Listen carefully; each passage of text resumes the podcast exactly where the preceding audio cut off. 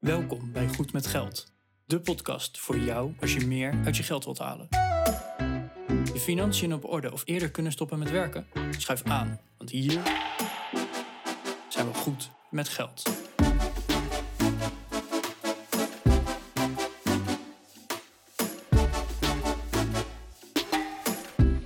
Aflevering 130 van de Goed met Geld podcast. Bas en Arjen eh, hier weer. De aflevering die jij zo meteen gaat horen is wat langer dan normaal. Ja, we gaan het hebben over twee zaken. Enerzijds over inflatie. Hoe kan je die inflatie... eh, ja, wat, wat is inflatie eigenlijk? Hè? Een snelle recap. Maar ook, hoe kan je inflatie gebruiken? Want we, we noemen inflatie vaak in de negatieve zin van het woord. Je geld wordt minder waard. Maar misschien kan je inflatie wel gebruiken. En ik geef ook een kleine anekdote over hoe ik ehm, met mijn beleggingspand en de financieringen daarop een beetje ga schuiven om, eh, ja, om gebruik te maken van inflatie. Dus eh, wil je meer weten? Luister deze aflevering en eh, veel luisterplezier. By the way, stuur ons gerust een berichtje als, je, als je een opmerking hebt. En dat kan je doen via goedmetgeldpodcast.nl slash contact. Kun je ook doen op de show notes, goedmetgeldpodcast.nl slash 130. Daar vind je, ja, vind je meer informatie, maar ook een methode om een berichtje achter te laten onder de website. Veel luisterplezier.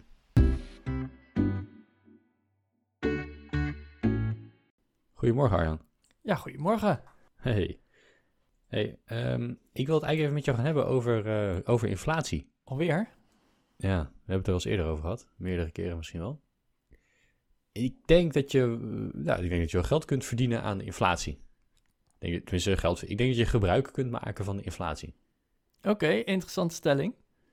Ja, toch? Denk het Ja. wel. Laat, laten we het daarover hebben. Ja, moeten we nog beginnen met zo'n disclaimer? Zeker. Oké, nou beste luisteraar. Alles wat wij hier vertellen, dat eh, zijn onze eigen gekke ideeën. Neem dat vooral niet aan als advies. Wij vinden het gewoon leuk om het erover te hebben.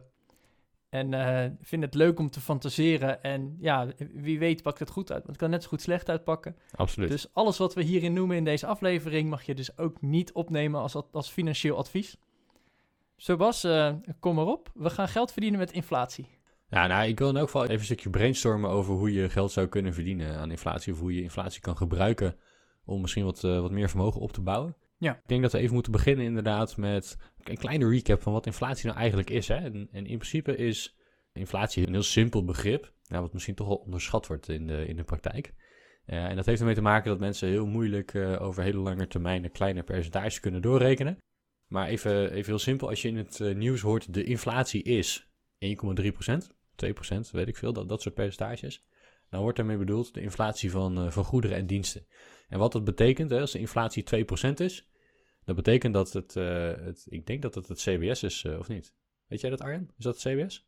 Ja, volgens mij is het inderdaad het CBS, het Centraal Bureau voor de Statistiek. Ja, ja die, die rekenen dat door, hè, dat soort, dat soort plannetjes. En ehm, Ja. Wat ze eigenlijk doen, is dat ze een standaard, eh, een standaard uitgavenpatroon pakken met, ehm, weet ik veel, een gezinnetje heeft eh, zoveel euro boodschappen en zoveel voor eh, benzine in de auto en nou, noem het maar op. Standaard uitgavenpatroon. En daarvan gaan ze kijken wat, wat de prijsontwikkeling is van deze maand ten opzichte van dezelfde maand vorig jaar. Dus als je in het nieuws hoort, de inflatie was 2%, dan wordt daarmee bedoeld dat dat boodschappenmandje wat het CBS heeft bepaald als zijnde dit is de standaard inflatie, dat boodschappenmandje is 2% duurder dan een jaar geleden. Het kan natuurlijk zijn dat je eigen inflatie hoger of lager is dan dat standaard getal wat eruit komt. Ja, want er zit bijvoorbeeld benzine in. En ja, als jij geen benzine tankt omdat je geen auto hebt, ja, dan, eh, dan, is dan raakt het jou niet als de benzine duurder wordt. Nee. 2 euro de liter laatst aangetikt. Maar ja, als je geen benzine tankt, boeiend. Mijn uitgaven worden niet hoger, want ik koop geen benzine. Weet je, dus, dus je eigen inflatie is altijd een beetje afhankelijk van hoe jouw uitgavenpatroon eruit ziet. Maar in de basis eh, geldt natuurlijk wel dat inflatie gewoon betekent dat spullen en eh, diensten in de toekomst duurder zijn dan nu. Ja. Dat is duidelijk, hè? Ja, nou, en de, de ECB, de Europese Centrale Bank, die eh, probeert met, met bepaalde pakketten, stimuleringspakketten, probeert dat te mikken op een 1,9 tot 2 procent inflatie per jaar. Want hè, er zitten ook weer berekeningen achter dat dat het beste is voor de economie en ga zo maar verder. Dus hè, er wordt ook echt wel gedoeld op inflatie. Ja, dat klopt, hè? Want op het moment dat er geen inflatie zou zijn, en dat is, eh, dat is een beetje de economische eh, theorie erachter. Of ik weet niet of de theorie genoemd wordt, misschien is het meer een hypothese. eh, is dat als er inflatie is, als er een kleine inflatie is, dan zijn mensen dus eerder geneigd om vandaag geld uit te geven. In plaats van het op te potten en het op een later moment te doen. Als er geen inflatie zou zijn, sterker nog als er deflatie is, waarom zou je dan nu je geld gaan uitgeven? Dan kan je beter even wachten tot, tot die dingen goedkoper worden. Dat zou heel slecht zijn voor de economie. Dan loopt alles vast. Dus op het moment dat mensen maar blijven consumeren, als het ware, dan blijft de economie soepel draaien. Heeft iedereen een baan en een inkomen en kunnen we blijven consumeren, zodat we allemaal een baan en een inkomen hebben, zodat we kunnen consumeren enzovoort.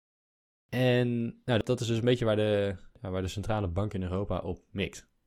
Waarom uh, eh, 2% en waarom niet 20%? Nou, als we een, een hele hoge inflatie komen, ja, dan kan het zijn dat je van je salaris nu nog wel een uh, brood kan kopen, maar volgende maand niet meer. Dat zou vervelend zijn.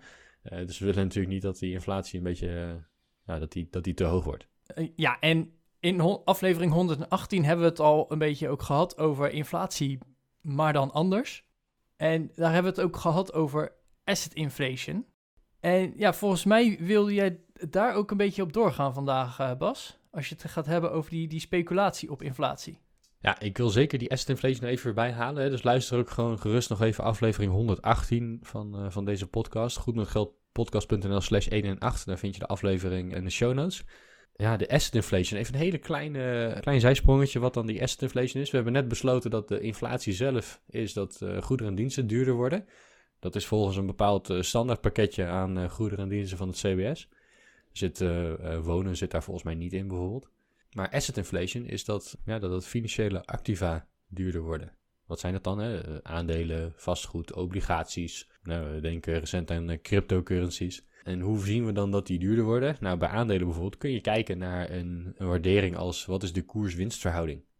Ja, want je kan zeggen, ja, het aandeel eh, Shell is van 10, naar, 10 euro naar 11 euro gegaan. Ik heb trouwens geen idee wat de waarde van het aandeel Shell is, maar ik noem het bijvoorbeeld. Niet, Ik heb helemaal geen losse aandelen, dus ik, ik zou het niet weten. Maar stel hè, dat aandeel Shell is van 10 euro naar 11 euro gegaan. Dan kan je zeggen, ja, hij is 10% duurder geworden. Ja, maar Shell ook 10% meer winst is gaan maken ja, dan is het prima. Dan, dan is het aandeel eigenlijk dezelfde prijs gebleven. Dezelfde, dezelfde waardering heeft het dan uh, gekregen op basis van die koers-winstverhouding.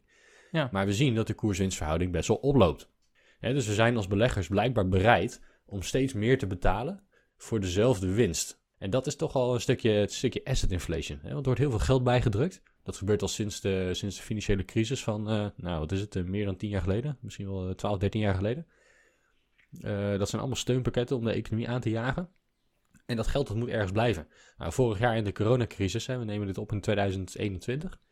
In, in 2020 is er natuurlijk ontzettend veel geld bijgedrukt. In Amerika zijn er heel veel dollars bijgemaakt. In Europa door de ECB zijn er heel veel euro's bijgemaakt. Gigantische steunpakketten. Ja, dat geld dat vloeit de economie in, maar dat moet wel ergens blijven.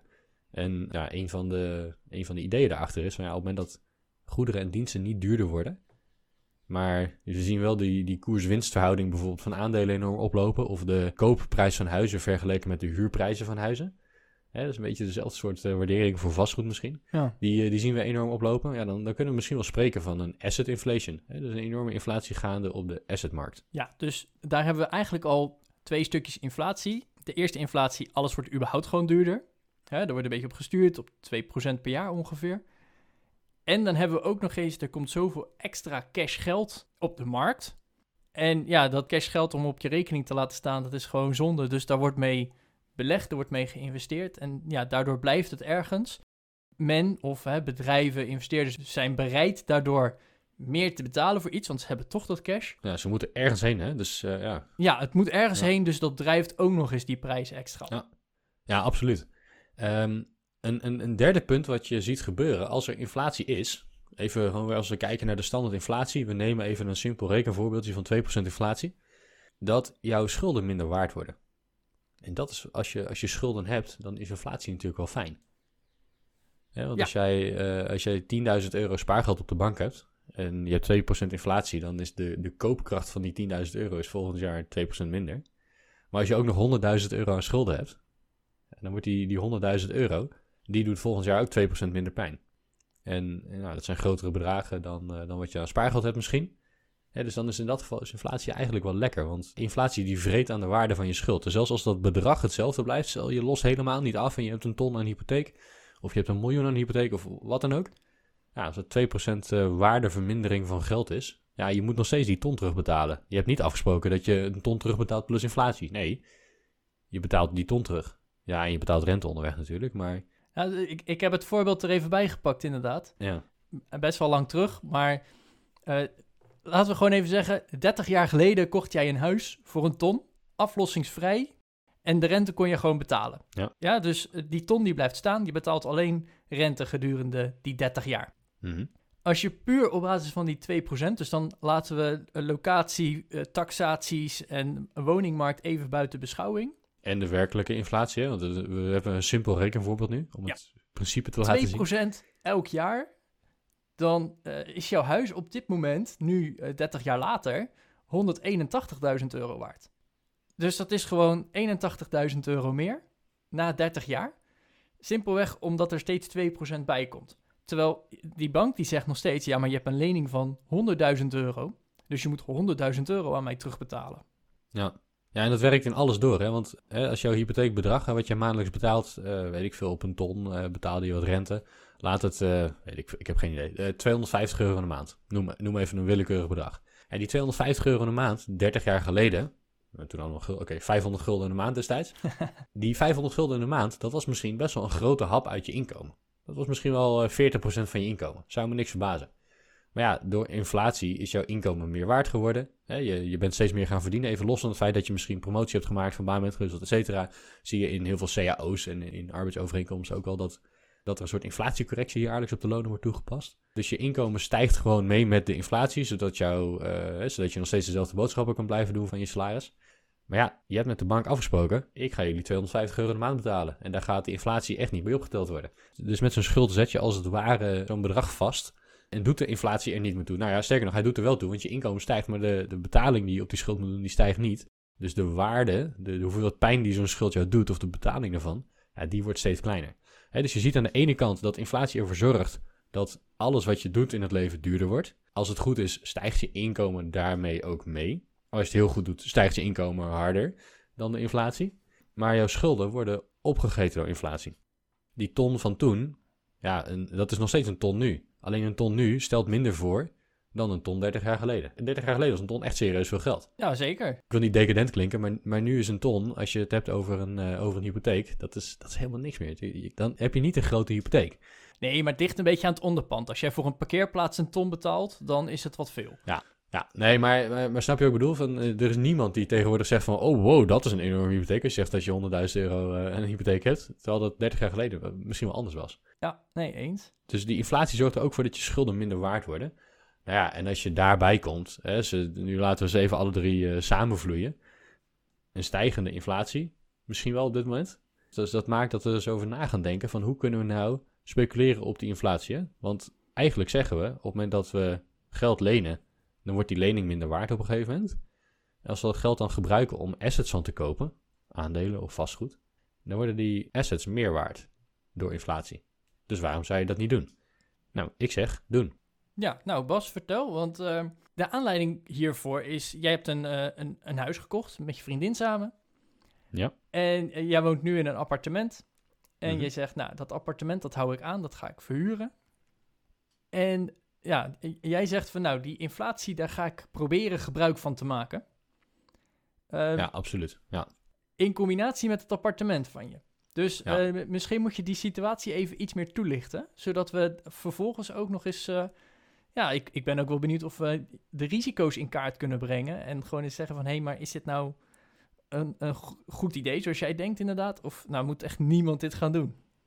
Ja, dat lijkt me heel goed om te doen, eh, Arjan. Even de anekdote inderdaad. Ik heb een koopwoning, een appartement. In, eh, in een van de grote steden. Nou, je kunt je voorstellen, eh, ik heb het al best een aantal jaren inmiddels. ik denk, hoe lang heb ik dit appartement? Vijf jaar, zes jaar? Iets in die richting. Nou, je kunt je, je, kunt je voorstellen, ik ga niet vertellen waar ik woon, maar in een van de grote steden in Nederland.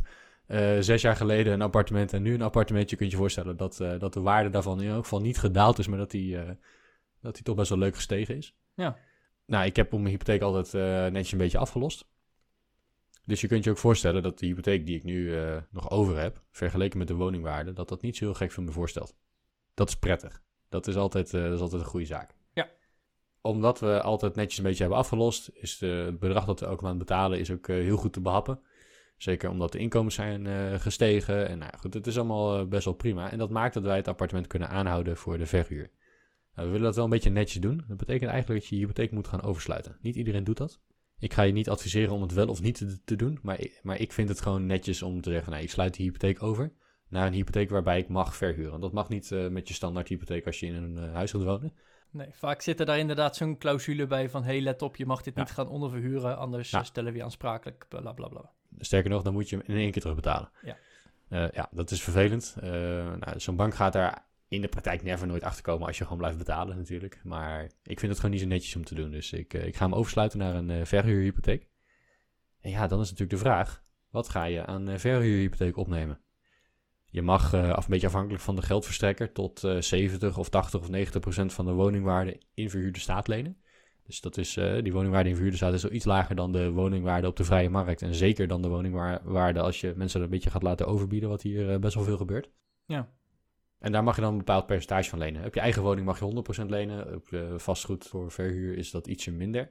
Maar goed, dat is helemaal niet erg, want die hypotheek is inmiddels zo klein geworden dat het makkelijk gaat passen. Het zit iets onder de, onder de 50% nog, uh, geloof ik, van de waarde in verhuurde staat. Oké. Dus dat betekent dat je daar heel makkelijk een hypotheekje mee moet kunnen krijgen. En in eerste instantie zeiden we van, nou, dan nemen we een hypotheekje van, uh, nou, van precies dat bedrag. Dan doen we er geen eigen geld meer bij, maar dan, uh, dan sluiten we hem gewoon om en dan gaan we vanaf dat moment verhuren. En van de huurinkomsten kunnen we een beetje gaan aflossen en een beetje gaan beleggen. En nou, dan moeten we erop kunnen we vermogen opbouwen. Maar ja, ik zit naar die naar die inflatie te kijken.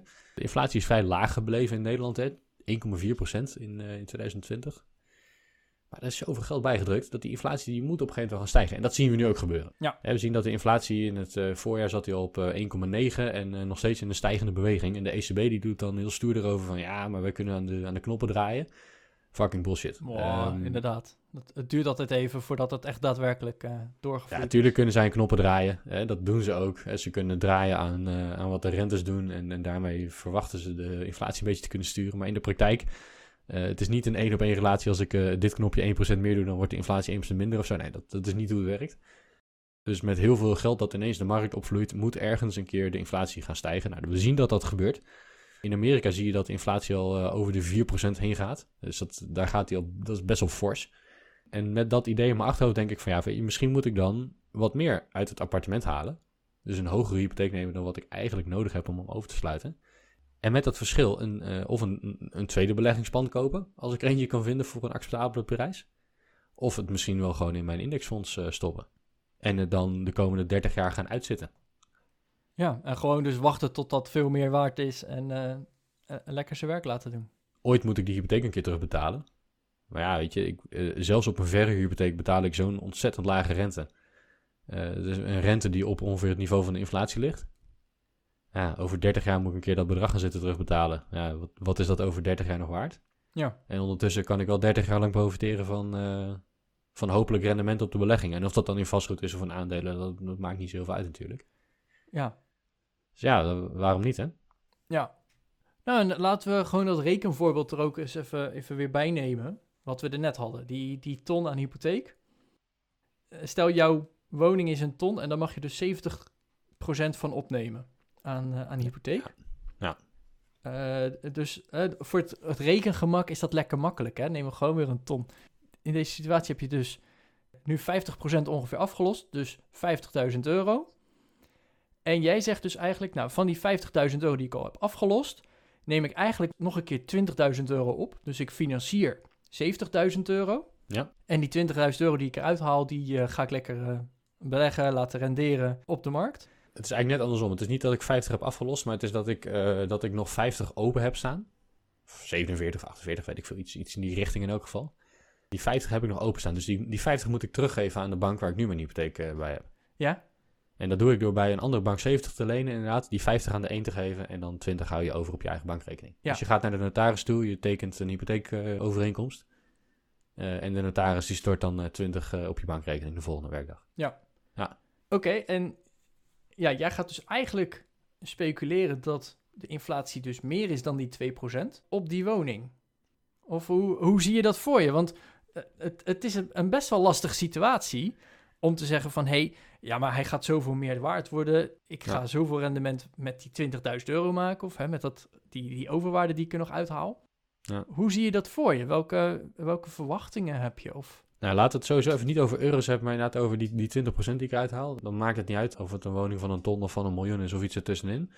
Hintje van de sluier oplichten, het is iets ertussenin. Ja, wa- wa- wat het idee daarachter is, is dat ik meer rendement kan maken op beleggen.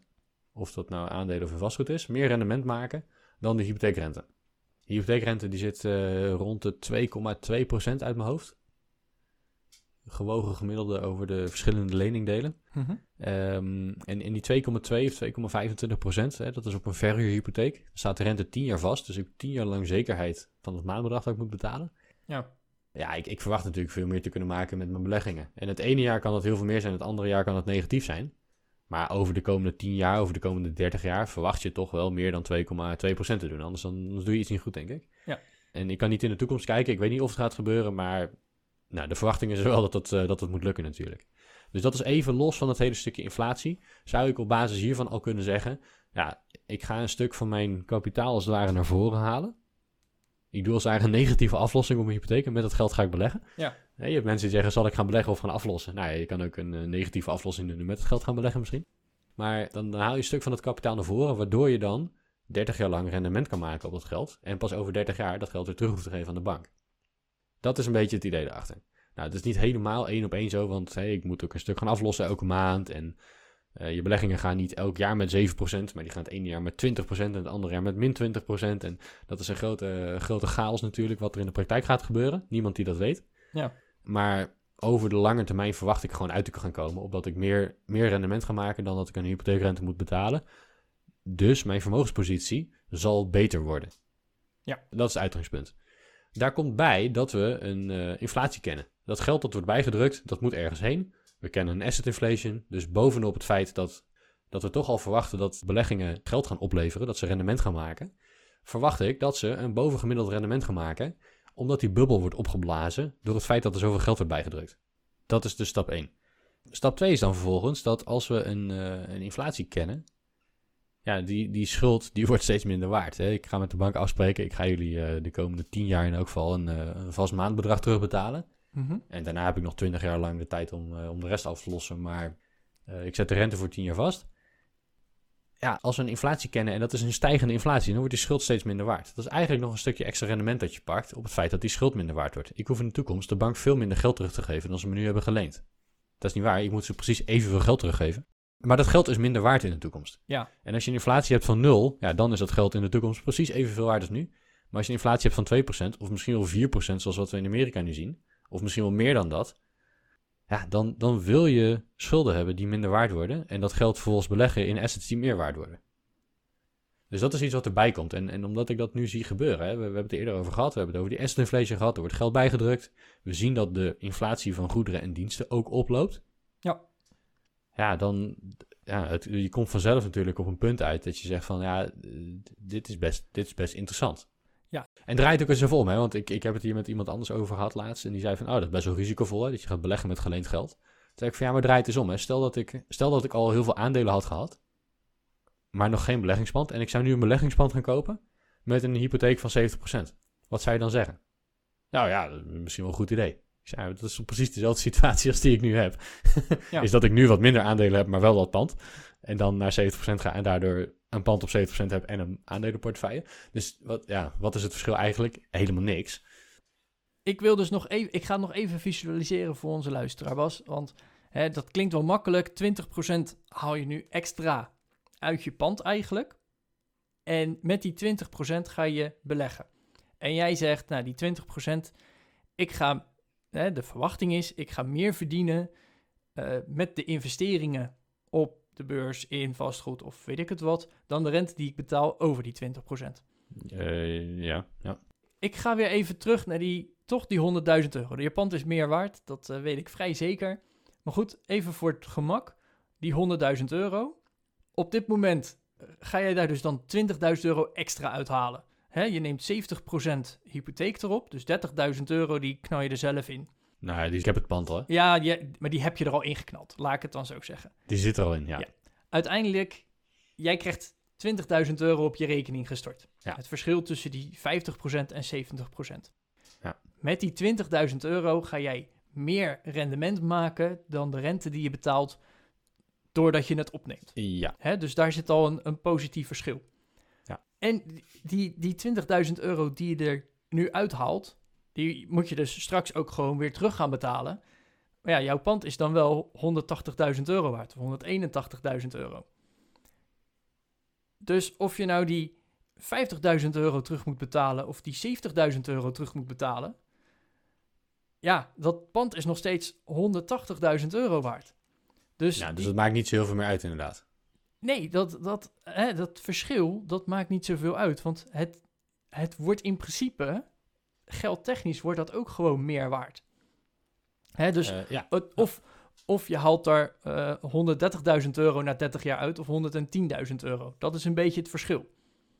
Ja. Als je het helemaal aflossingsvrij zou nemen. Dat is in dit geval niet, het, niet zo, maar stel dat je het alleen Ja. maar aflossingsvrij zou financieren. Ja, dan haal je dus over 30 jaar 20.000 euro eh, minder uit de verkoop van jouw pand. Maar goed, die 20.000 euro, als het goed is, is dat veel meer waard geworden op de beurs. Nou, dat, dat is de volgende stap. Hè? Dus, dus even los van het feit dat die, eh, die, die 80.000 euro waardestijging die je gaat krijgen op je pand van 100, eh, waarvan je uiteindelijk maar 70 aan de bank terug hoeft te geven. En die, zeven- die, hè, dus de waarde van je pand van 100 is keer 1,8 gegaan. Ja. Even in het makkelijk eh, spraakgebruik. De de waarde van je pand is praktisch verdubbeld. Dat geld dat je aan de bank terug moet geven, die 70, die is niet verdubbeld. Dat is nog steeds 70. Hè, dus dat is al de eerste winst die je pakt. Je pand is door inflatie meer waard geworden. En even los van, misschien, is de, hè, misschien gaat de stad waar ik woon door allerlei plannen ontwikkelen om mijn wijk heen, waardoor de wijk duurder wordt en meer gewild enzovoorts. Dat zou ook nog kunnen. Maar even los daarvan, puur op inflatie, zeg je dus als het 30 jaar lang 2% inflatie is, het pand gaat eh, bijna door de, eh, gaat bijna keer 2. Die schuld gaat niet keer 2. Nee, ik moet nog steeds 70 terugbetalen en niet, eh, niet 140. Dus dat is al de eerste winst die je pakt. De, de tweede winst die je pakt inderdaad, is het stukje van ja, maar ik heb niet alleen daar die winst op gemaakt, op het pand zelf. Ik heb ook nog eens een stukje winst gemaakt op het feit dat ik 30 jaar lang die 20.000 heb kunnen beleggen. Ja. Of die, ja, die 20%, hè, maar in het rekenvoorbeeld dus 20.000 euro. Ja, ja. Die heb ik eh 30 jaar lang kunnen beleggen. Nou, ik weet niet wat een eh, gemiddeld beleggingsresultaat is wat je kunt verwachten. Ik, ik rekende altijd in mijn hoofd met 7% op aandelenportefeuilles, op een, op een breed gespreide index. Ik, weet niet of dat tegenwoordig in de huidige situatie nog waar is. Met het feit dat die koerswinstverhouding zo oploopt, enzovoort, enzovoort, enzovoort. Ik, ik durf het niet te zeggen. Een paar jaar terug werd er nog gezegd van, nou, let op, want het gaat, het gaat in de toekomst minder worden, want de koersen zijn zo gestegen ten opzichte van de winst, dus het moet ergens een keer weer wat minder gaan worden. Maar ja, met het feit dat er zoveel geld erbij gedrukt, ja, dat blijft ergens, onder andere in de aandelenmarkt. Dus, dus ik weet het niet. Maar, maar ik ga ervan uit dat dat meer is dan de rente die ik eh, gaandeweg moet betalen. En dat ik dus ergens positief ga uitkomen. Ja. En misschien volgend jaar niet, hè. Dat is, eh, dat is een van de risico's waar we het zo meteen over gaan hebben natuurlijk. Maar, maar over 10 jaar, over 30 jaar, ja, dan moet je haast wel, eh, eh, misschien een zwarte zwaan scenario dat dat niet gaat lukken. Maar moet je praktisch gezien toch wel hoger uit gaan komen. Dat is de tweede kant van de medaille. En dat, dat vind ik wel het gaaf hiervan. Is dat je, je zet zo'n lening echt vast in de tijd. Het is, een soort, het is een soort geschiedenisboekje waar je opschrijft van dit is de situatie. En, en die verandert niet meer. En alles wat daarna gebeurt verandert wel. Maar die lening die je moet terugbetalen, die verandert niet meer. En dat, eh, dat vind ik wel het gave van, eh, van inflatie. Is dat als je heel veel spaargeld hebt en geen leningen, dan, ga je helemaal kapot op inflatie. Maar als je heel veel aandelen hebt en heel veel leningen, ja, dan is inflatie eigenlijk best wel een goed iets. Ja, want die leningen die worden gewoon minder waard eigenlijk. Ja. Ja, en je bezittingen worden meer waard. hè, Je financiële holdings. Ja. Nou, dat is wel een gaaf principe. En ik denk als je dat goed, als je dat goed snapt, dan kan je daar best wel je voordeel mee doen om je vermogen te laten groeien. Maar het is niet zonder risico's. Hè? Dat, is, ehm, dat is regel 1 van de economie. There, there is no such thing as a free lunch. Nee, laten we meteen even naar die risico's dan gaan, Bas. Tijdens de voorbespreking zijn we hier best wel even op ingegaan. Van ja, maar je hebt gewoon risico's. Ja, je kunt niet zomaar gratis rendement maken. Nee, dus eh, laten we beginnen met uh, risicootje nummer 1. Ja, wat als jouw asset, dus jouw huis of de aandelen die je hebt gekocht, wat als die nou opeens minder waard worden? Hè, de, er komt een huizencrisis, er komt een beurscrash, uh, zoiets. Die twee komen vaak tegelijk, hè? Dat is nog het, uh, dat is het allergevaarlijkste eraan, hè? Dat, uh... Ja, nou, nou, vooral het vervelendste. Ja, vorig jaar niet, hè? Toen hadden we een beurscrash natuurlijk uh, vanwege corona. Maar dat, dat trok heel snel weer recht en, en dat was op de huizenmarkt werd dat niet gevoeld. Maar, maar vaak zie je natuurlijk dat, ja, dat jouw woning of woningen minder waard worden op hetzelfde moment als dat je aandelenportefeuille door de helft gaat. Dus dat, is, dat zou heel pijnlijk zijn. Voor mij zie ik dat op dit moment niet echt als een risico, omdat die hypotheek die ik aanga ook op basis van die 70% heel betaalbaar is. En waarom is die heel betaalbaar? Dat is één, omdat de rente laag is en lang vast staat. Kijk, als je nu zegt van ik pak een hele lage rente, die zet ik twee jaar vast en over twee jaar gaat de rente naar 8%, ja, dan ben je ook af. Ja, want dan, ga je, dan, dan verdwijnt ineens al je cashflow. Ja. Omdat je de rente vrij lang vastzet, en ja, 10 jaar is toch een, toch een redelijk lange periode, hè, dat, daar kan je best wel even een pootje overzien. Daar kan je even door een slechte tijd heen ploeteren, zeg maar. Daar heb je best wel de tijd voor als je een 10 jaar lange rente vast hebt. En 20 jaar was echt gewoon heel veel duurder. Dat zou me best wel veel cashflow eh, schelen. Dus daarom heb ik voor 10 jaar gekozen. Maar dat is dus een eh, manier om het risico te mitigeren. Is door een lage rente lang vast te zetten. Maar ook door meerdere inkomstenbronnen te hebben. Kijk, als ik zou gaan lenen op mijn aandelenportefeuille om meer aandelen te kopen. Dat kan hè, dat noem je margin beleggen. Ja. Dan, dan zeg je van nou, ik heb misschien een ton aan aandelen. Ik ga eh, met, met die ton aandelen als onderpand ga ik 50.000 euro lenen en daar ook aandelen van kopen. Dus ik heb, een, ik heb dan 150.000 euro aan aandelen. Terwijl ik maar een ton aan, aan eigen vermogen heb. Eh, dat, dat noem je margin, eh, margin trading. Ja. Dan is het risico dat als je aandelen minder waard worden, dat jouw margin provider, hè, dus de, de broker vaak waar je, waar je je aandelen aanhoudt, die gaat dan roepen van hé, hey, ik wil dat je gaat terugbetalen, want het onderpand is minder waard geworden. Op het moment dat je in mijn specifieke geval, waarin ik tegen een bestaand beleggingspand dat ik al heb, eh, een stukje extra ga lenen. Ja, ik heb meerdere inkomstenbronnen. Ik heb niet alleen die aandelen die rendement genereren en die soms eh, misschien volgend jaar eh, 50% minder waard zijn. Dat is, dat is een risico dat te zien. Ja, dat pand, dat blijft nog huurinkomsten uitspugen. En, en mijn bedrijf blijft nog gewoon een inkomen uitspugen. Dus ja, er, er zit een stukje risico, eh, ja, een oplossing voor dat risico, denk ik. Is dat je die hypotheek gewoon kan blijven betalen. En ook weer met de zekerheid van, ik weet gewoon de komende 10 jaar, dit zijn mijn maandlasten Ja. op, op dat beleggingspand. ja, je kan erop bouwen. Hè? Je, je weet wat er gaat komen. Ja, en ik weet ook wat er over vijf jaar gaat komen en wat er over acht jaar gaat komen. Het is niet meer onzeker, dus daar kan je naartoe werken. Nou, dan wat je dan kan doen natuurlijk, is dat je zegt van nou, ik heb de, de huur van mijn pand. Ja, in de slechtere tijden kan de huur ook minder worden. Hè? Want dan gaat een huurder weg, dan komt een nieuwe huurder in, maar dat is moeilijk, moeilijk, moeilijk. Dus je moet de huur omlaag doen. Dat is, dat is een reëel risico. Daar sta ik voor open. Ja, ik heb, ik heb gelukkig de situatie dat ik zelfs op die 70% financiering genoeg cashflow heb. Dat als ik zeg, ik moet de huur met eh 200 of 300 euro omlaag doen. Dat kan. Dan ga ik nog steeds niet in het rood. Dan, dan is het wel een wat slechtere belegging geworden. Daar- daar- ben ik heel eerlijk over. Maar dan bloed je ook van niet leeg. Met andere woorden, je kunt die slechte tijd dan uitzitten. En als een paar jaar later de economie weer aantrekt en de huren gaan weer omhoog, dan ga je daar weer van profiteren. Ehm, op het moment dat je echt helemaal leeg bloedt, dan moet je op een gegeven moment gaan verkopen. Want ja, je, ja, er is maar een bepaalde hoeveelheid tijd dat je allemaal geld erbij kan gaan stoppen. Eh, dat, hou je niet, dat hou je niet heel lang vol. Nee, dweilen met de kraan open is ook niet heel handig. Ja, dus, dus het feit dat ik een stukje cashflow heb uit het pand. eh, en dat de rente lang vast staat, waardoor je vijf, nou lang, maar waardoor je tien jaar lang in elk geval zekerheid hebt over de betalingen die je moet doen. Ja, dat maakt dat ik het risico dat die, dat die aandelen die ik zo meteen ga kopen. Ja, ik, ik zou nog wel een pand erbij willen kopen, maar even heel realistisch gezien, er zijn er niet zo heel veel eh, nog interessant. Hè, dus de kans is vrij groot dat ik die 20% dat ik die in mijn aandelenportefeuille duw, in mijn indexfondsen. Ja, de, de, de kans dat die door de helft gaan, die is best aanwezig. Dat, dat is gewoon een reëel risico. Alleen dat het echt heel veel pijn doet, nee, want ik kan het wel uitzitten. Ja. Zolang de hypotheek betaald kan worden door de huurinkomsten en zolang nou, die hypotheekrente niet exponentieel gaat stijgen, wat die de komende 10 jaar sowieso niet gaat doen, dan, dan ben ik al safe daar. Dan kan ik die beurscash wel uitzitten. Ja, en dat, dat zeggen ze wel vaker. hè. Tijd is je grootste vriend, wat dat betreft. Als het een keer crasht, dat kan. En dat gebeurt ook op de beurs. Hè. De beurzen crashen eens in de zoveel tijd. Eh, maar de kans dat ze herstellen en weer boven het oude niveau uitkomen is ook heel groot. En tot nu toe eigenlijk altijd wel voorgekomen. Ja. Dus hè, eh, zolang je die tijd maar uit kan zitten. Kijk, want jouw pand heb je nog steeds. Hè, dus het, het is niet dat je opeens je pand dan kwijt bent. Het is niet dat je je aandelen opeens kwijt bent. Nee, de waarde ervan is minder. Maar over, Ja, maar alleen even op dat moment inderdaad. over Ja. de verloop van de tijd wordt het weer meer waard. Hé, hey, maar Ja. dan komen we wel even op uh, risicootje nummer twee, een, eh, een cashflow risico. En we hebben het hier al over gehad. Bij jou zal het meevallen. Want je leent een eh, flink bedrag om die hypotheek te kunnen betalen.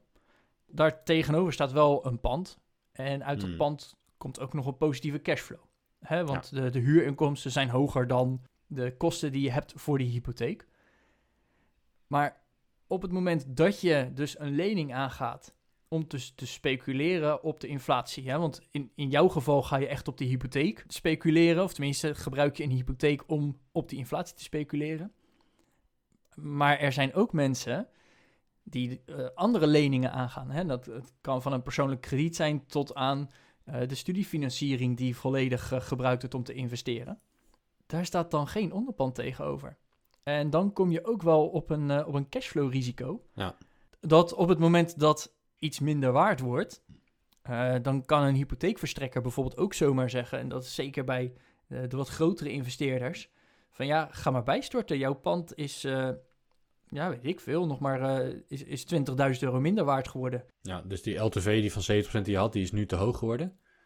Ja, doe maar bijstorten. Ja, die is nu, die is nu eh, 90% geworden. Dat vinden we niet goed, dus je moet hem weer terugbrengen naar 70. Dus je moet inderdaad even een stuk aflossen. Ja, En zeker als jij wel eh, meer... Kijk, Bas, jij begint met je eerste pand. Maar als jij op een gegeven moment 10 of 20 panden hebt...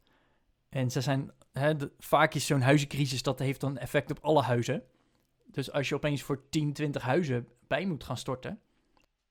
nou, dan heb je opeens wel een, eh, een probleem, laat maar zeggen. Of hè, als jij... Hè, je hebt je volledige studiefinanciering gebruikt... om aandelen te kopen. Hè, dat, dat kan. Ik zeg niet dat ik voor ben, maar het kan. Ik vind het heel veel beter dan je volledige studiefinanciering gebruiken om bier te kopen. Dat is inderdaad ook een optie. Daar valt wat voor te zeggen. Daar valt wat voor te zeggen. Maar goed, daar, daar staat geen onderpand tegenover. En stel nou dat jij moet beginnen met aflossen. Eh, je hebt geen baan kunnen vinden. Want eh, op dit moment gaat het prima in de, in de arbeidsmarkt. Maar dat kan ook zomaar minder zijn. Je moet wel gaan aflossen. Ja, dan is er ook nog een crisis aan de gang. Dus jouw aandelen zijn veel minder waard. Ja, die overheid die zegt toch van ja, ga toch maar betalen. Eh, dan moet je dus je aandelen goedkoop verkopen. Want tijd is dan niet je grootste vriend, maar je grootste vijand eigenlijk, want je hebt het niet. Hmm. Ja, dat, ik vind dat wel een risico. Dat, zeker op het moment dat jij in volumes gaat praten. Hè? De, als jij een, een kleine lening gebruikt, hè? je hebt nog een paar duizend euro stufie. Eh, en je zegt van, hé, hey, ik heb een keer 1000 of 2000 euro over en dat gebruik ik ervoor. Dat is een stuk minder dan wanneer je opeens 100.000 euro gebruikt. Of, Ja. of 10 panden hebt in plaats van één. Dus er, er Ja. zit heel vaak gewoon een volume bij, eh, wat het grote risico maakt. Maar ik vind hè, zo'n cashflow, dat is wel heel belangrijk om ook gewoon in de gaten te houden. Ja, zeker. Want je, wat je gaat zien is inderdaad als, ehm, s- eh, als je bijvoorbeeld een hypotheek hebt met, eh, met een kortere rentevastperiode. En dan kan het natuurlijk zijn dat jouw cashflow ineens in de rood schiet op het moment dat de rente hoger wordt. En dan kom je in een situatie terecht dat je veel meer moet gaan, eh, veel meer moet gaan betalen voor die lening. Ja, die kan je misschien niet meer betalen, want dat gebeurt natuurlijk precies. Hè, dat is de, onze vriend Murphy, die komt dan langs en die Ja. zegt: nou, nee, als het fout gaat, gaat, het, gaat alles ook fout. Dus die hypotheek die wordt in één keer een stuk duurder, net op het moment dat je aandelen door de helft gaan en dat je je baan kwijtraakt. Hè, dat, is, dat is wel even een reëel scenario natuurlijk. Dat is best een aanzienlijk risico. Nou, nou heb je bij een hypotheek of een beleggingspand natuurlijk altijd nog een onderpand en een stuk en een inkomstenstroom uit het, uit het onderpand. Dus daar heb je al een stukje risicospreiding gedaan doordat je eh, waarde onder die lening hebt zitten en doordat je cashflow eh, tegenover de hypotheekbetaling hebt staan als het ware. Eh, maar inderdaad, wat jij zegt, als je een persoonlijke lening aangaat, ja, dan heb je misschien dat onderpand en die cashflow niet. En als dan je aandelen door de helft gaan en die kerel van die persoonlijke lening die komt bij en die zegt van nou eh, Arjan, ik weet niet hoe het met jou is, maar eh, doe maar even terug en anders dan stuur ik een paar grote gasten bij je langs. Ja, ik, Ja, dat is vervelend, dan ga je toch zweten, denk ik. ja, eh, ik vind je een aardige gozer, maar als jij nu niet terugbetaalt, ben ik geen aardige gozer meer. Ja, het is eh, een mooi huisje hier. Het zou toch jammer zijn als daar wat mee gebeurt. Ja. Weet je, dat, ja, dat, dat, zou, dat zou inderdaad jammer zijn. Nou, dat risico kan je natuurlijk ook oplossen. Uiteindelijk zijn er vrij weinig risico's die echt, die echt niet op te lossen zijn. Ja, je loopt ergens altijd risico. Dat cashflow risico, dat zie ik, ik, ik, ik zie dat, maar ik mitigeer dat denk ik door de rente wat langer vast te zetten. Hè? Dus eigenlijk weer hetzelfde als bij, eh, bij stuk 1. Je hebt gewoon tien jaar lang zekerheid van je maandbedrag. Dat betekent dat je tien jaar lang zekerheid hebt van wat je cashflow, eh, wat, wat voor cash eruit gaat.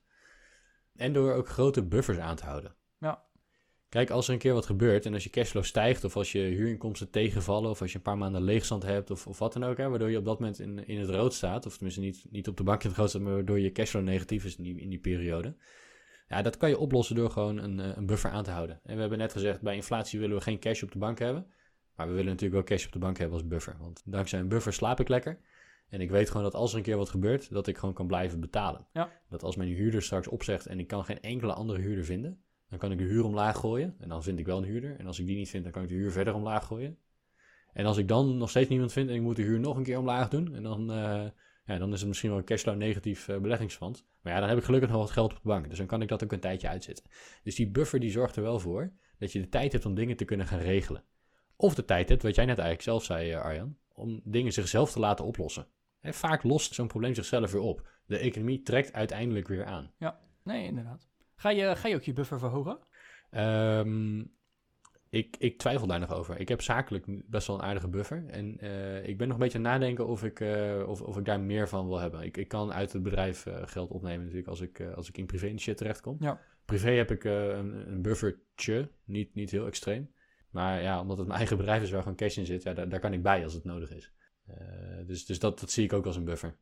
Ja, en dat is ook wel het, het voordeel dat jij gewoon als ZZP'er werkt en dat je makkelijk geld uit het bedrijf kan halen. Ja. En dat dat eigenlijk geldt als extra buffer. Hè, maar stel dat je een BV hebt, dan kan je niet zomaar geld uit een bedrijf halen. Ja, jawel. En sterker nog, eh, dat is, eh, ik weet niet of je dat al wist, maar ik ben eh, op dit moment de, de omzetting van mijn eenmanszaak naar een BV aan het regelen. en dit is wel een van de vragen die ik mijn accountant ook heb gesteld. Van hoe makkelijk kan ik bij dat geld? Hè? Want in die BV is het geld van de BV en niet meer van mij. Maar daar zijn zat mogelijkheden voor. Oh, oké. Je kunt bijvoorbeeld tijdelijk lenen van je BV. En dan, dan maak je geld naar jezelf over. Dan, dan heb je daarmee als daar een lening bij je BV. En die lening die kan je later of terugbetalen. Of via een winstuitkering uh, terugbetalen. Hè. Dat de BV winst aan jou gaat uitbetalen. Uh in vorm van dividend. En dat je in plaats van dat je cash op je rekening krijgt, dat daarmee die lening wordt afbetaald. Dus er zijn zat mogelijkheden voor. Um, dus dus dat, dat zie ik niet zo. Uh, dat, daar zit eigenlijk geen risico in. Ja. Het risico is meer op het moment dat die pot in die, in die BV of, of in de eenmanszaak of waar dan ook. Als je maar het maakt niet uit waar je buffer staat. Hè. Of die nou in een oude sok zit of, of in een BV, dat boeit niet. als die pot op een leeg is, ja, dan, dan heb je al een probleem. Uh, dus, dus het is wel zaak om daar altijd voor te blijven zorgen dat je, dat je gewoon wat geld achter de hand hebt. Ik denk dat dat met name je cashflow risico's uh, oplost. Als je cashflow tijdelijk dipt, dan kan je dat oplossen met een buffer. Ja. Risicootje nummer drie.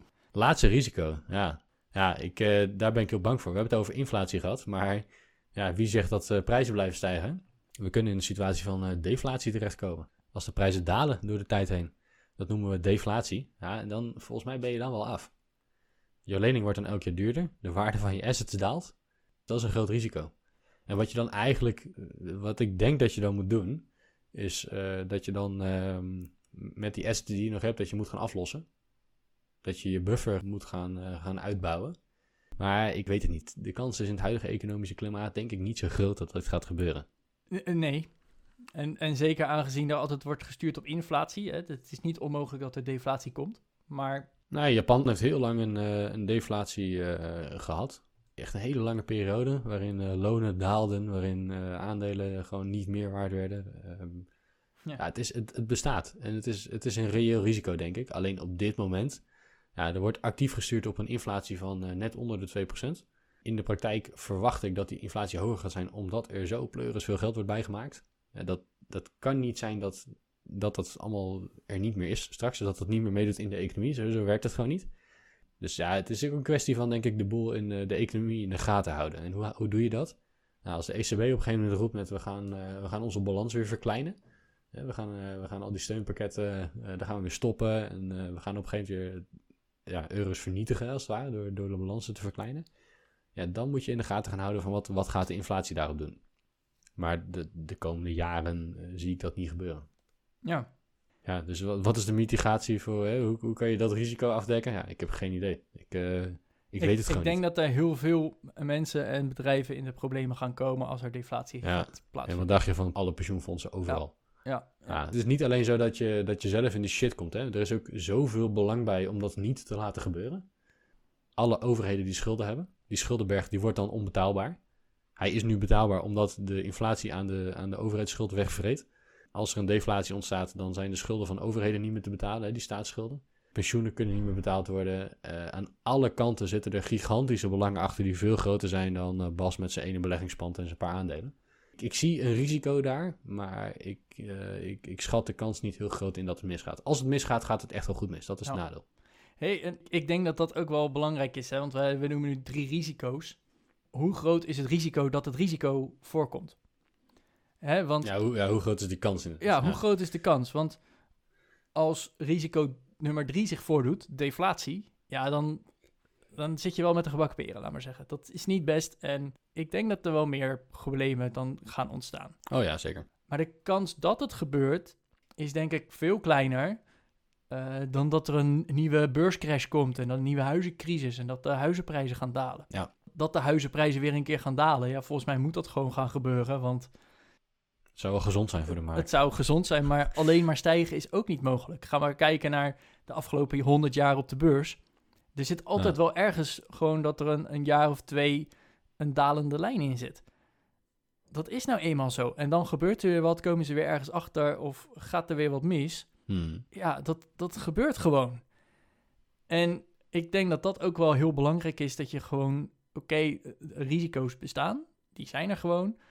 Eh, kan je ze afdekken? Nou, hè, deels doe je dat door niet meteen een gigantische portefeuille te, te bouwen, eh, maar ook door een grotere buffer aan te houden of hè, daar rekening mee te houden. Ja. Ze door te rekenen, sowieso. Ja, en, en na een tijdje heb je ook gewoon een risico. Hè, als jij, hè, beste Ja. luisteraar, als jij een huis koopt, dan heb jij bijvoorbeeld ook het risico dat jij arbeidsongeschikt raakt en dat je daar geen verzekering voor hebt en dat je daardoor Ja. je huis niet meer kan betalen. En Ja. ja, is dat een reden om per se een arbeidsongeschiktheidsverzekering te nemen? Of zeg je nou, hè, de, de kans dat dat gebeurt is relatief klein. Eh, ik zal voorzichtig doen en daarmee probeer ik het risico af te dekken. Dat het niet, hè, je weet het gewoon niet. En dat is wel eens lastig. Sommige risico's moet je ook wel een beetje durven nemen.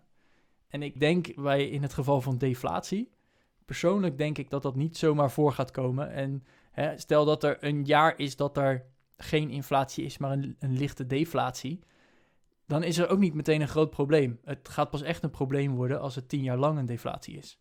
Zeker. hey Bas, ik heb nog een notitie gemaakt tijdens het opnemen van deze podcast. Natuurlijk. Uiteraard. Heb je de berekening ook wel gemaakt dat, eh, want eh, je gaat nu je huis of je, je appartement ga je verhuren, daar hoop je inkomstenstroom uit te halen en noem maar op. Heb je ook wel eens de berekening gemaakt van wat nou als ik de hele boel verkoop en het gewoon allemaal op de beurs zet, 7% rendement verwacht? Want ja, het is heel leuk dat je je appartement gaat verhuren, maar één, je maakt kosten. Mhm. Natuurlijk, het wordt meer waard, maar je maakt ook kosten, want je hebt je rentebetaling sowieso, wat druk op je rendement. Maar daarnaast moet je waarschijnlijk ook nog iets van belasting eroverheen gaan betalen. Ik weet niet in hoeverre dat mee gaat tellen. Maar je hebt ook bijvoorbeeld eh, beheerderskosten. Ik weet niet of je een externe Ja. beheerder gaat nemen of dat je het allemaal zelf gaat doen. Volgens mij mag dat niet eens zomaar. Eh, maar hè, eh, als je een beheerder neemt, voor niks gaat de zon op. Die beheerder wil ook gewoon betaald worden. Ja. Als jij een huurder hebt, ja, don't be gentle, it's a rental. Huurders gaan over het algemeen iets minder zuinig om dan wanneer het van jezelf is. Hè, de, de kans dat iets eerder kapot gaat is wat groter. Maar na 20 jaar moet er ook gewoon een nieuwe keuken in of een nieuwe vloer. En Ja. hè, dat, dat kost dus gewoon geld. Ja, je noemt nu allemaal dingen die gewoon de cost of doing business zijn. Sowieso, je mag het zeker wel allemaal zelf doen. Alleen eh, in mijn situatie wil ik het niet allemaal zelf doen. Dus ja, ik zet er een beheerder tussen. Die beheerder kost een paar tientjes in de maand. Dat valt heel erg mee. En als het goed is, dan spreek ik die keer al never nooit meer. En ze beheren een paar duizend objecten hier in de stad. Dus het is echt wel een serieuze partij. Ja. Eh, de reden dat zij goedkoop kunnen zijn, is omdat ze bijna alles in-house doen. Als ik een loodgieter nodig heb, moet ik een loodgieter, loodgieter gaan zitten bellen. Die zegt, oh, je hebt haast? Nou, dan, is het, eh, dan zet ik de verdubbelaar in. Zij hebben gewoon een loodgieter in loondienst die dan langs komt met zijn busje. Dus dat maakt dat ze goedkoper zijn dan als ik het zelf zou doen. Want je kan zeggen, ja, ik bespaar die paar tientjes op het abonnement. Maar ja, als je dan een keer wat hebt, dan, eh, dan ben je aan de beurt. Ja. Eh, plus, de tijd die het mij kost, dat kost mij ook geld. Hè, als, ik met, als ik het beheer van mijn woning aan het doen ben, dan ben ik niet eh, aan het werk in mijn bedrijf. Nou, bouwen aan mijn bedrijf, dat vind ik en leuker dan toiletten fixen. En het levert ook meer geld op dan toiletten te fixen, denk ik.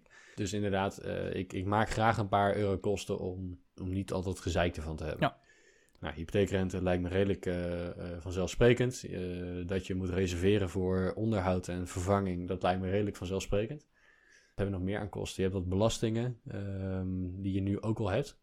Dat is namelijk de onroerende zaakbelasting. Bij de gemeente betaal je elk jaar als je, als je een pand ja. bezit. Dat, is, dat heb ik nu ook al.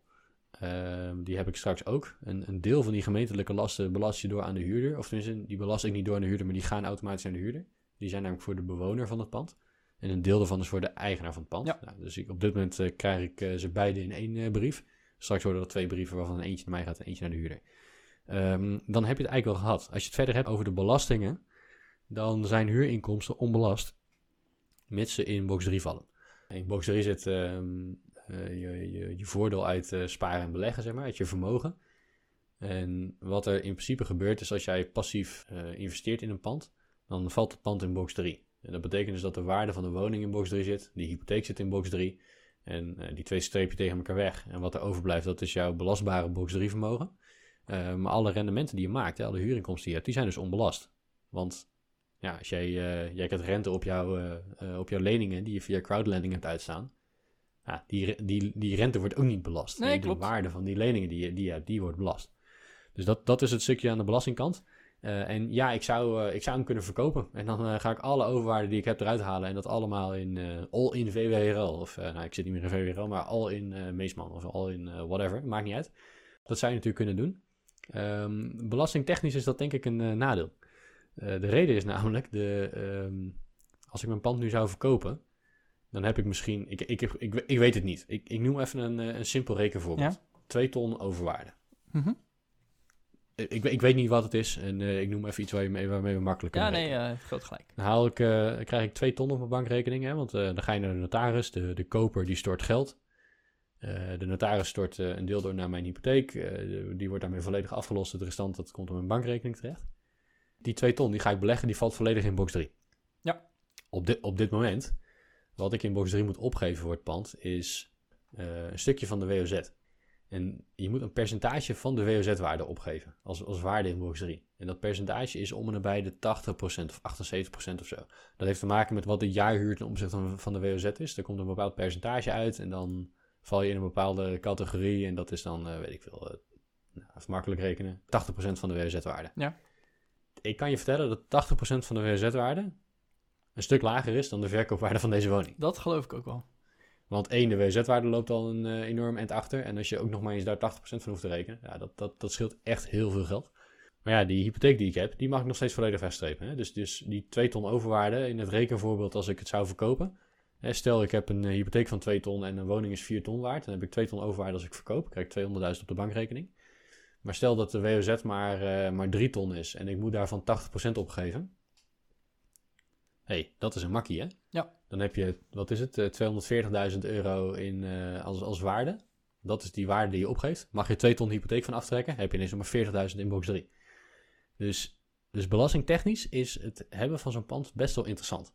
Ja, en dan eigenlijk puur en alleen omdat er een lening tegenover staat die gewoon voor de volle 100% telt, terwijl de waarde van je pand voor maar een deel.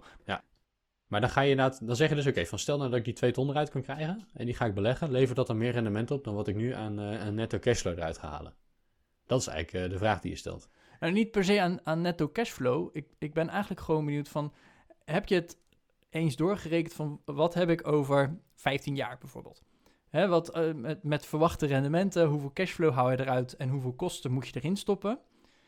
Wat heb je dan na 15 jaar versus wat heb je na 15 jaar Dat is heel moeilijk. Ja, indexfondsen? ja, dat is heel moeilijk. En ik denk dat het om en nabij hetzelfde is, maar, maar eh, er zijn heel veel variabelen die je moet gaan invullen in je Excelletje om dat, te berekenen. dat denk ik. Ja, maar ik was gewoon benieuwd, heb je dat doorgerekend? En je kunt eh, misschien wel tien variabelen bedenken, namelijk eh, wat doet de huurstijging, wat doet de waarde van het pand, wat doet de inflatie, wat doet de gemiddelde aandelenrendementen. Wat doen de belastingen? Component belasting moet je erin mee gaan nemen inderdaad. Eh, nou, noem, het maar op. En dan kan je inderdaad zeggen, oké, ik heb een eh, ik heb een netto cashflow, dat is namelijk het rendement op mijn, eh, op mijn vastgoedbelegging. Ja, eigenlijk mijn netto cashflow plus de waardestijging van het pand, hè, dat is eigenlijk het rendement op je vastgoedbelegging. Ehm, en, en is dat hoger dan wat die aandelen gaan doen? Ja, Ja. geen idee. Geen idee, ik weet het niet. Er zit nog een aanname in, namelijk je moet even van tevoren gaan bedenken voor hoeveel geld je je pand kan verkopen. Ik weet het niet. Ik weet wel wat de vraagprijzen hier ongeveer zijn. Maar ja, als je de vraagprijs krijgt, verkoop je hem dan? Ja, geen idee. Als er één gek langskomt die een ton boven de vraagprijs biedt, dat is helemaal niet gek hier in deze stad. Ja, dan, weet je, je weet het gewoon niet. Je weet niet wat je ervoor gaat krijgen. Als ze een ton gaan overbieden op, de, op een vraagprijs hier, ja, dan, dan is het misschien slimmer om hem te verkopen. Omdat je dan zoveel overwaarde eruit krijgt, dat je dat eigenlijk niet meer goed gaat maken. Ja. Aan de andere kant, laat het maar even doorlopen zo. Het is, het is ook wel goed. En het is ook een stukje risicospreiding en, en je weet niet wat er gaat gebeuren. En misschien, eh, misschien blijven die huizenprijzen al doorstijgen met 20% per jaar. Je, je weet het Ja, gewoon niet. En je creëert op dit moment voor jezelf gewoon een extra inkomstenbron, hè, want deze heb je nog niet. Eh, ja, klopt. Dus hè, dat, dat is ook alleen maar prettig. Dus ik, maar ik, ik was gewoon benieuwd van, heb je het doorgerekend? Nou, eh, Ja, dus, nou ja, niet, niet op de cent doorgerekend, maar er ik heb er wel over nagedacht. Hè. Ik heb er ook wel eens met, met eh, nou, wat bevriende vastgoedbeleggers over gehad. Ik weet dat een van de twee luistert, dus groetjes. Eh, maar ehm, ja, ik heb het wel eens met ze over gehad en, en eh, de, de terechte vraag komt dan ook heel erg van... Ja, oké, maar eh, stel dat je zoveel overwaarde eruit kan halen, wat ga je met dat geld dan doen? Ga je dat nu allemaal in aandelen douwen? Dat klinkt ook spannend. Ja, weet, weet ik niet. Ja, misschien wel. Het is wel statistisch gezien de beste keuze die je maakt. Maar oeh, dat voelt toch ook wel een beetje gek om nu op, de, op de huidige waardering zoveel aandelen te kopen. Ja, het is lastig. Dus eh, ik laat het lekker zitten. En eh, ik, eh, ik zie het de komende jaren wel hoe het zich ontwikkelt. En, en misschien word ik over een jaar gillend gek. Hè, dat ik denk van nou, dit is echt de allerslechtste beslissing die ik ooit in mijn leven heb genomen. Die huurder die zegt na een jaar van nou, ik weet niet wat jij gaat doen, maar ik peer hem. En dan heb ik dat huis zonder huurder in en dan verkoop ik hem gauw, want dan ben ik het helemaal zat. Dat Ja. zou kunnen gebeuren. Het zou ook kunnen gebeuren dat ik hem van mijn leven nooit meer verkoop.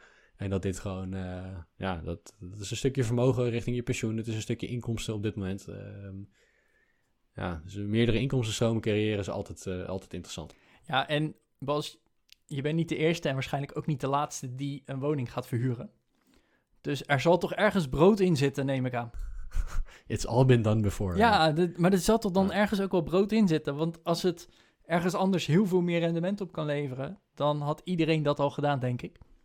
Ja. Dus, eh, nou, ik vond in ieder geval een hele interessante aflevering van, hey, hoe kunnen we nou ook nog eens gebruik maken van inflatie? Zeker. Ehm, ik eh, hoop maar, heel eerlijk gezegd, denk niet dat over 30 jaar deze podcast nog steeds bestaat. En dat we dan gewoon eens kunnen evalueren van, hey, hoe staat het er nou mee? Eh, Hmm. Maar ik hoop wel dat we op de hoogte ge- eh, gehouden kunnen worden van, hey, hoe gaat het nou met dat pand en bevalt het en hè, waar, waar loop je tegenaan? Ik denk dat dat misschien nog wat meest interessant is voor iedereen die denkt, ja, ik heb ook een huis, misschien ga ik dat wel verhuren. Waar loop je dan tegenaan? Want ik denk, hè, de, de positieve kant ervan is gewoon, hey, er komt cashflow uit. Die cashflow Ja. betaalt voor de lasten en eh, dat gaat wel prima. Maar waar loop je allemaal tegenaan? Ik denk dat dat nog interessanter is. Ehm, maar beste luisteraar, misschien eh, ken jij al die negatieve kanten al. Of wil je reageren? Dat mag natuurlijk. Dat kan onder de show notes van vandaag. Je kan natuurlijk ook gewoon even een mailtje naar ons sturen. Goedmetgeldpodcast.nl slash contact. Vond je dit leuk? Of zeg je nou, hey, eh, grappig zo'n onderwerp, maar hier heb ik nou echt helemaal niks aan. Eh, laat het ons ook vooral even weten. Heb je nog onderwerpen waarvan je zegt, hey, heb het daar eens over. Hè? Wat is jullie mening Ja. of visie daarover? Want ja, Vooral dat laatste inderdaad. Want alleen maar roepen, hey, dit is niet goed. Oké, prima, dat kan dat je het niet goed vindt. Maar wat zou je dan wel willen horen? Daar zijn wij in geïnteresseerd. Want deze show moet uiteindelijk natuurlijk wel ervoor zorgen ja, dat jij goed met geld wordt. En eh, ja, laat ons weten wat je daarvoor nodig hebt. Ja, en hè, dat hoeft niet dus te betekenen dat elke aflevering precies is van... hey, als je nou altijd goedkoop boodschappen doet, dan hou je meer geld over. Het kan ook gewoon een beetje prikkelen zijn, een beetje inspiratie opdoen. Van oké, Zoals die van vandaag. die inflatie is heel vervelend, maar hoe kun je er nou echt gebruik van maken? Ja, en was dat gezegd hebbende, denk ik dat onze luisteraar er ook volgende week weer is. Dus eh, beste luisteraar, tot volgende week. Tot volgende week.